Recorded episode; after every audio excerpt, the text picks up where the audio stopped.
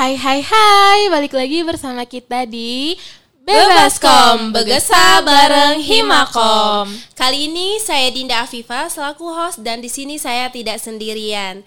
Bersama partner saya yang sangat cantik. Halo guys, aku Mawar dan halo Kak Dinda. Halo Mawar. Wow, kali ini kita kedatangan tamu yang sangat spesial nih Kak Dinda di Bebaskom. Beliau merupakan praktisi ke kehumasan, spesialis hubungan pemerintahan dengan media, yang bertugas di salah satu perusahaan BUMN yang berkantor pusat di Sumatera Selatan, tepatnya di kota Tanjung Enim. Wow, keren banget Siapakah ya Kak? Dinda. Siapa dia? Boleh Bapak perkenalkan diri Bapak? Assalamualaikum warahmatullahi wabarakatuh. Waalaikumsalam warahmatullahi wabarakatuh. Teman-teman Bebaskom yang ceria, perkenalkan nama saya Muhammad Saman. Saya bekerja di PT Bukit Asam TBK Wow. sejak tahun 1995 dan bertugas sebagai seorang PR. Wow, keren. Boleh Bapak diceritakan proses pengalaman kerjanya Pak? Hmm, awal pertama kali saya masuk di dunia kerja di PT Bukit Asam, salah satu BUMN eh, tambang batu bara. Iya. Ya. Itu dimulai karir saya dari seorang musisi, Wow, pinter keren. nyanyi ya, Anak Kak. band ternyata. band anak Iya. band pada masanya. Iya. Jadi dari situ kami direkrut, eh, saya dengan teman-teman yang lain direkrut untuk bertugas menggalakkan kesenian di perusahaan yang saat itu memang kegiatan-kegiatan keseniannya eh, sangat di, di, digalakkan oleh perusahaan sehingga kami direkrut. Nah, sepanjang perjalanan tersebut di, di, di, di tengah perjalanan akhirnya setelah sekian tahun kami merasakan tugas-tugas di kantor itu semakin lama semakin banyak dan semakin penuh dengan tantangan mengurus administrasi, manajemen dan lain sebagainya sehingga tugas inti kami sebagai seorang musisi itu menjadi bergeser gitu. Iya. Sehingga- Tergantikan. Iya, tergantikan. Jadi eh, lebih kurang 10 tahun setelah kami diterima direkrut di PT BA, BA. lalu kami pun merekrut pemain musik yang baru, pemain band baru. Sehingga kami ditugaskan di samping sebagai PR juga sebagai eh, pembimbing ataupun pengurus dari musisi-musisi yang baru diterima itu sampai dengan sekarang. Wow. Wow, keren keren keren. Berbicara mengenai humas, apa saja tugas seorang public relation, Pak? Jadi begini, Ya. eh, banyak pakar yang menulis dalam beberapa buku gitu, yang intinya eh, yang membahas tentang apa saja tugas seorang public relation atau kita sering menyebutnya dengan hubungan kemasyarakatan. Masyarakatan. Nah, tugas yang paling penting dari seorang PR adalah komunikasi. Iya. Bagaimana cara kita membangun komunikasi dengan baik Itu sangat penting, sangat Pak ya. penting. Jadi dari komunikasi itu maka goal yang diharapkan adalah citra, Iya. citra yang baik terhadap suatu lembaga ataupun perusahaan ataupun individu. Iya. Jadi citra yang baik itu diawali dengan membangun citra, kemudian membangun citra yang baik itu, kemudian mempertahankannya dan lalu meningkatkan citra itu. Tentunya ini diawali dengan bagaimana cara kita berkomunikasi dengan baik. Iya. Berarti Pak, public relation itu membangun citra yang baik terhadap halayak masyarakat Betul. dan mem- mempertahankannya juga. Nah Benar. itu betul. Jadi eh, semua penulis di dalam apa nah, di di, di buku-buku yang Iya. ditulis oleh pakar itu sebut saja misalnya eh, Profesor Renal Kasali, seorang pakar pakar kehumasan, Kehumasan. Satu lagi Omi Abdurrahman dan lain-lain sebagainya. Itu. Jadi eh, intinya adalah komunikasi. Dari komunikasi itu lalu kita membangun citra dan mempertahankan dan meningkatkan citra yang baik itu. Jadi sesungguhnya tugas uh, tugas kami atau tugas Seorang seorang PR. PR itu Iya.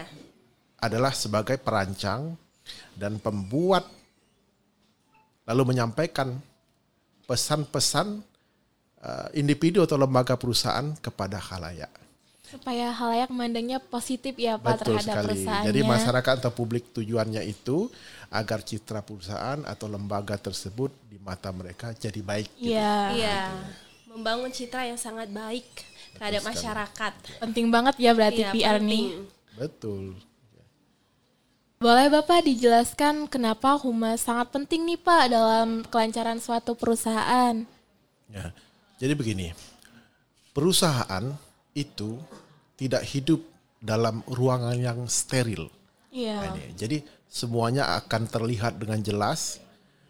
Dari situ ada berbagai kepentingan di dalamnya dan perusahaan harus mengelola kepentingan-kepentingan itu agar bisa berdampingan secara harmonis dengan pemangku kepentingan Betul. yang sering disebut dengan oh, apa istilah stakeholder. Iya, stakeholder. Iya. Jadi bukan pergesekan-pergesekan yang bisa menimbulkan biaya. Biaya itu bisa uh, berupa uang Ya. ataupun biaya sosial. Siap. Nah, setiap keputusan-keputusan perusahaan tentunya akan membawa dampak. Nah, dampak. Jadi, Dampaknya ya tidak semua orang suka dengan keputusan itu. Iya, benar-benar.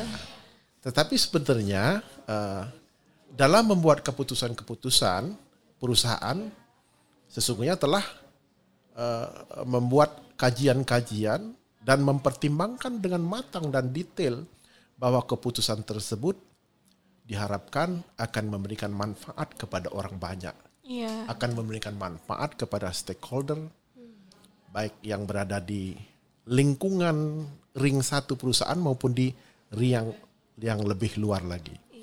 Nah, tentu saja perasa orang banyak, ya, itu ada juga yang disebut dengan perasa orang sedikit, yang biasanya tidak puas dengan keputusan itu. Itu Iya. gimana, Pak? Nah, Dengan tugas, perasa- ya baik, tugas kami sebagai praktisi humas adalah menjelaskan, memberikan pemahaman-pemahaman, ya, Iya, memberikan pengertian kepada yang sedikit itu bahwa inilah keputusan terbaik yang harus diambil oleh perusahaan. Nah, jadi kami adalah penyampai pesan dari perusahaan itu. Dan harus diterima sama halayak ya Pak? Diharapkan bisa diterima gitu. Iya. Iya. Baik, Pak. Biar kita lebih santai nih, Pak. Boleh? Silakan minum dulu, Pak. Biar nggak tegang-tegang banget iya, ya. benar. Oke, terima kasih. Bismillah. Hmm, dingin ya Kak. Iya. Kok airnya beda ya? Iya. Biar sehat, Pak. Oke, Pak, kita lanjut ke pertanyaan, Pak ya. Mengapa humas harus menjalin hubungan dengan pers? Jadi begini, pers ataupun jurnalis ataupun wartawan itu adalah sesuatu yang penting bagi public relation. Iya. Nah, jadi pers eh, sesungguhnya dapat menjadi media penyampai pesan-pesan dari perusahaan kepada masyarakat. Gitu. Jadi pers sesungguhnya adalah sarana komunikasi. Bagi praktisi humas, menjalin hubungan dengan pers adalah suatu keharusan nah, Ya. atau keniscayaan. ya. Jadi mereka lah yang eh, yang menjadi sarana komunikasi kami. ya. Pers juga menjadi media kami untuk menyampaikan pesan-pesan penting perusahaan. Jadi misalnya saja eh, kita akan mempublis siaran pers atau press release Iya. Iya. yang di situ berupa eh, pesan-pesan penting ataupun informasi-informasi penting perusahaan yang informasi itu sangat dibutuhkan baik oleh utamanya investor Iya. Maupun bagi masyarakat atau publik. Jadi begini, PTBA telah menjadi perusahaan publik atau yang telah menjual sahamnya di masyarakat sejak tahun 2000 2002 yang lalu. Jadi setiap informasi-informasi penting itu itu sangat dibutuhkan oleh para investor dan pers merupakan sarana utama kami untuk menyampaikan informasi-informasi penting itu kepada mereka. Dengan adanya pers juga bisa membangun citra positif ya Pak ya. Betul, tentu saja ya, ya itu yang Apalagi PTBA sangat tadi. terkenal ya. Iya, sangat terkenal sekali. Siapa sangat sih? nge- sangat ngetop. Iya, Iya, siapa yang nggak nggak tahu sama PTBA? Kita pengen tahu nih Pak, bagaimana seorang humas agar menjaga hubungan baiknya dengan media massa? Eh, ada banyak cara sebetulnya untuk bagaimana cara kita menjalin hubungan baik dengan media massa ataupun media online ataupun media-media yang lainnya. Antara lain, Iya. antara lain. Kita secara formal ataupun tidak tidak formal itu dapat mengundang mereka para jurnalis tersebut untuk eh, meliput jika kita punya acara acara-acara penting Iya. yang layak untuk dipublikasikan. Iya, betul. Jadi dengan mengundang mereka dalam liputan tersebut eh, dapat terjalin hubungan emosional yang tentu saja emosional yang baik ya. Mengakrabkan yang diri. diri jadi jadi ada ada semacam silaturahmi di situ. Selain itu eh, kita juga dapat melakukan suatu program mi- misalnya melakukan perjalanan bersama Iya. perjalanan misalnya site visit ke tempat-tempat penting perusahaan. Nah, jadi ini untuk kepentingan perusahaan-perusahaan atau untuk tujuan berwisata. Tentu saja kalau di di perusahaan kami ada berwisata tambang. Eh, Ah, khusus visit, khusus tambang wisata. Jadi dari situ diharapkan uh, mereka akan menulis. Jadi bagaimana proses bisnis kita dimulai, bagaimana ada hambatan-hambatannya, bagaimana cara kita mengatasi hambatan-hambatan itu. ya. Ya, jadi bagaimana cara kita apa namanya uh, mencarikan solusi dari setiap hambatan itu, kemudian uh, kita akan tunjukkan uh, apa namanya spot-spot atau destinasi-destinasi yang penting untuk mereka agar bisa mereka tulis Iya. itu sehingga masyarakat tahu oh begini ternyata proses bisnis di di di, di PTBA itu. Dengan begitu menambah pengetahuan Menambah orang lain pengetahuan juga orang ya lain, Pak. iya. Selain itu, eh, kita juga dapat melakukan semacam eh, press gathering, press gathering, press gathering. Kemudian kita juga bisa melakukan eh, menyimpan, meminta nomor-nomor Kontak. nomor-nomor kontak Iya. di pada eh, seluruh pers yang kita jalin hubungannya. Iya. Ah, Dengan begitu mempermudah ya Pak. mempermudah Permudah lagi komunikasi. Iya. Komunikasi. Lagi-lagi komunikasi. Iya. komunikasi tujuannya untuk mempertahankan atau mem- membangun citra yang positif Positif. kepada khalayak. Layak. Saya kira itu mungkin ada beberapa sebetulnya banyak cara-cara Iya, yang lain Iya, gitu. benar-benar benar. Namun beberapa yang secara yang Bapak jelasin itu sudah cukup untuk Memberi penjelasannya. Iya, Iya. menjalin hubungan. Saya kira itu cukup ya. cukup. Mungkin di tengah itu bisa kita tambah dengan improvisasi yang lain gitu. Iya. Misalnya dengan mengajak mereka eh, olahraga bersama Iya, itu kegiatan. atau Jadi festival kegiat- musik gitu kan bisa eh, Jadi kegiatannya berhibur-hiburan lah ya. hiburan atau bisa juga dengan eh, mengadakan lomba menulis, lomba baca Hmm. puisi khusus untuk media massa atau wartawan. Benar-benar benar. Karena itu cocok, Pak ya. Iya. Dengan Membangun motivasi Iya, mereka membangun juga. motivasi mereka. Dengan itu akan terjalinlah hubungan yang harmonis dan Baik. akrab. Akrab. Iya, betul. Dengan begitu, kalau sudah akrab itu dan tentu saja mereka akan eh, menyampaikan yang baik-baik Iya, tentang benar-benar. perusahaan, citra positif, Citra lagi-lagi citra positif. citra positif. Kalau akrab tuh enak, Pak. Eh, ketika Betul. kita mau berbicara, ket- ketika kita mau ngelakuin sesuatu tuh pasti Betul. hasilnya baik. Baik, akan benar. baik. Karena Iya. kita sudah masuk dalam satu frekuensi. Iya, Hmm, betul. Sangat penting memang, Pak ya, sefrekuensi. Dari cerita yang Bapak sampaikan mengenai tentang penjelasan humas, boleh Bapak sharing pengalaman Bapak selama menjadi seorang public relation, Hmm. itu humas. Mas. Baik. Jadi berhubungan dengan sesama manusia adalah sesuatu yang menyenangkan Iya. dan me- dan itu saya kira harus. Jadi jadi harus berhubungan Harus dengan manusia. berhubungan. Karena Pak, ya? manusia berinteraksi ya, Pak. berinteraksi. Iya, benar. Namun dalam suasana tertentu eh, tidak semua hubungan itu baik Oh, benar-benar. dal- dalam konteks harmonis. Iya. Kadang-kadang ada juga miskomunikasi. Iya, itu Adanya perbedaan pendapat mungkin ya, Pak. Perbedaan pendapat, Benar. miskomunikasi itu da- dapat menyim- eh, menimbulkan suasana yang tidak nyaman. Nah, itu.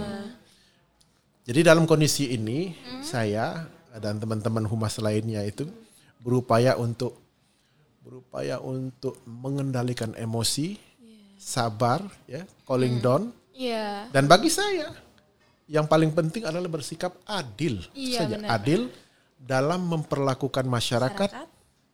dan pers. Nah, jadi sesungguhnya kita ini saling membutuhkan, Iya. bukan bukan saling menjatuhkan. Benar, benar. Kita saling butuh. Benar.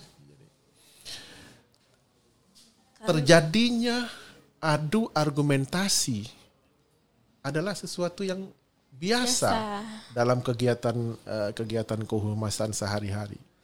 Tetapi kita harus memahami masyarakat, eh, memahami kultur mereka, budaya mereka, dan berusaha untuk selalu menjadi pendengar yang baik dari keluhan-keluhan mereka.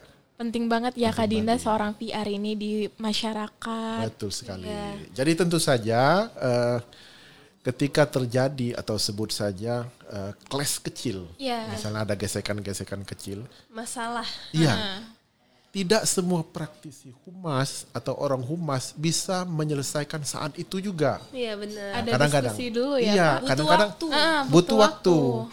Tidak semua kasus ya bisa diselesaikan pada saat itu. Tetapi bagaimanapun eh, kami terikat dengan aturan-aturan. Kami punya atasan, atasan lalu punya lagi atasan. Iya, Iya. punya Yang pimpinan ya. iya, jadi kalau ada kasus yang sifatnya sangat strategik, maka kami tidak bisa langsung memutuskan pada saat itu. Kami adakan Musyawarah dulu. musyawarah, komunikasi dengan atasan, sehingga dari dari atasan itulah akan akan muncul suatu keputusan yang tentunya informasi itu telah kita sampaikan. Benar. Dari bahan informasi yang kita sampaikan itulah, lalu setelah hasil diskusi, maka muncullah suatu apa namanya Hasilnya Hasil. hasil kan. yang perlu kita sampaikan Sampaikan. kepada masyarakat. Iya, benar. Jadi eh, semua keputusan itu enggak harus dari PR, tapi kita harus komunikasi Iya. dan punya Betul. sepakatan kepada Iya. pimpinan kita. Artinya Baru- tidak tidak semua kasus Iya. ya. Jadi kalaupun itu bisa kita selesaikan, misalnya ada beberapa uh, apa namanya permohonan apa namanya minta bantuan apa yang bisa kita Iya. keluarkan misalnya Iya. bantuan katakanlah transport dalam tanda kutip ya transport atau jamuan makan minum Iya. itu insya Allah dari humas dari pra- eh, eh, saya biasanya itu bisa langsung kita tindak lanjuti tanpa harus ada keputusan. Ada ada keputusan Keputusan. minta minta keputusan gitu Ada yang harus langsung dan harus yang didiskusikan. tergantung, dengan Tergantung. nilainya Ah, ah. kalau nilainya besar nah itu Iya. kita harus minta harus ada izin Izin, tetap jadi tidak benar, semuanya harus benar. bisa kita putuskan jadi seperti itu semuanya harus ada komunikasi, Komunikasi, secara langsung maupun tetap tidak komunikasi. langsung. Benar. jadi itu satu, eh, apa nah, aturan yang harus kita patuhi Iya benar. Nih, boleh nih Pak masuk pertanyaan terakhir kita. Boleh Bapak kasih motivasi dan saran kita terhadap humas nih Pak? Oke, baik. Jadi teman-teman bebaskom sekalian ya, eh, sesungguhnya bekerja di satuan kerja hubungan kemasyarakatan dalam suatu lembaga ataupun institusi adalah pekerjaan yang sangat menyenangkan. Ya, eh, bener Jadi, banget. Iya, Eh, di situ kita berhadapan dengan manusia dengan berbagai macam karakter. Jadi dengan banyaknya kita teman sehingga kita dapat mengetahui karakter-karakter orang per orang. Mempelajari hal-hal baru Belajar ya. hal yang baru tentu saja. Jadi Terhadap pengalaman karakter manusia. pengalaman-pengalaman baru begitu ya.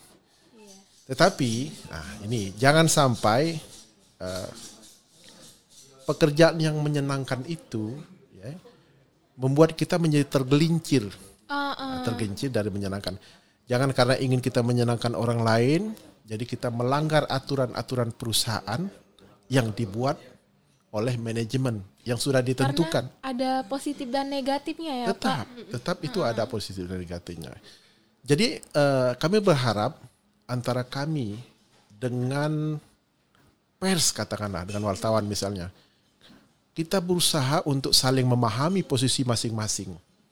Jadi Ya. kita mengajak, marilah kita sama-sama adil. Nah, Ya. sebagai praktisi humas, tentu saja eh, saya berharap kita tidak terjebak dalam tugas-tugas protokoler Ya. misalnya uh, menampiki tamu dan lain-lain sebagainya. Tugas humas adalah memberitahu kebaikan, Memberikan informasi. informasi kebaikan tentang pesona perusahaan, tentang yang baik-baik, prestasi perusahaan kepada orang lain, kepada publik.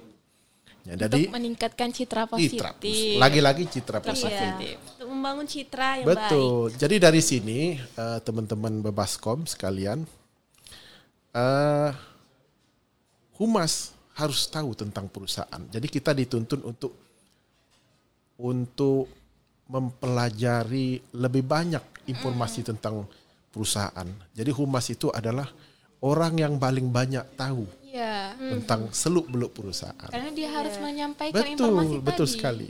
Misalnya kalau di kami itu seorang humas harus tahu berapa banyak eh, kereta yang diberangkatkan dari Tanjung Inem ke Kertapati, Iya, benar. berapa banyak gerbong yang dikirim dari Tanjung Inem ke Tarahan Lampung, berapa banyak setiap gerbong itu ada berapa ton, Iya. berapa banyak dan di mana saja itu dikirim Dan humas harus mengetahui harus semuanya. mengetahui paling tidak itu paling tidak yang dangkal-dangkalnya saja Iya, begitu benar. walaupun tidak terlalu terlalu mendalam nah jadi itu jadi teman-teman babaskom sekalian hal-hal yang penting untuk kita ketahui sebagai seorang praktisi humas kita harus banyak mengetahui berusaha untuk selalu belajar jadi gitu Iya benar. Banyak sekali nih eh, apa ya masukan dari Bapak penjelasan mengenai tentang Humas. humas eh, di suatu perusahaan maupun eh, Di hubungan dengan lingkungan masyarakat. masyarakat. Dan intinya juga seorang humas ini harus membangun citra positif ya Kak Dinda di Iya. mata publik. itu wajib Wajib, Wajib. ya Pak. wajib Karena humas itu emang tugasnya membangun citra yang sangat baik di depan halayak masyarakat terhadap perusahaannya. Iya. bukan hanya membangun mempertahankan citra Nah. baik dan meningkatkan, Meningkatkan. citra yang baik Yang sangat eh, sulit itu membangun atau mempertahankan, Pak. Yang sulit itu mempertahankan. Iya. Iya. Karena kalau mempertahankan tuh kita harus me- banyak harus harus mem- harus banyak membangun kayak mengaktifkan suatu perusahaan ini biar Tetap tetap positif, positif di masyarakat. terhadap masyarakat yang Betul dilihat. sekali. Betul sekali. Iya. Saya kira itu ya, yang dapat saya sampaikan. Mudah-mudahan teman-teman Baskom sekalian dapat mengambil manfaatnya dari Banyak komunikasi, dari ngobrol kita pada hari ini. Dan itulah yang dapat saya sampaikan dan banyak terus banget ya terang Kak ilmu yang udah disampaikan sama Bapak. sampai sekarang saya masih terus belajar, belajar dan terus belajar. Iya. Tapi dari eh, penjelasan Bapak kami mendapatkan banyak sekali ilmu Informasi. mengenai eh, informasi tentang humas, hubungan Iya. masyarakat. Karena kan sebelumnya eh, kami juga masih belajar Masih juga belajar. seperti Bapak.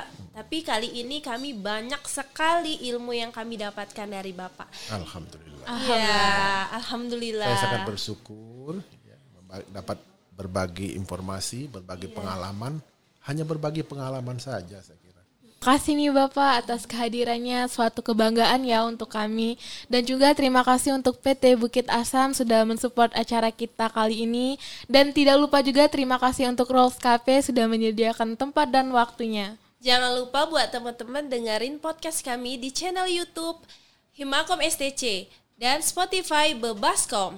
Dan jangan lupa follow IG atau Instagram Himakom STC. Boleh Bapak memimpin tagline kami? Bebaskom, Begesa bareng Himakom. Himakom, Bangga berkomunikasi.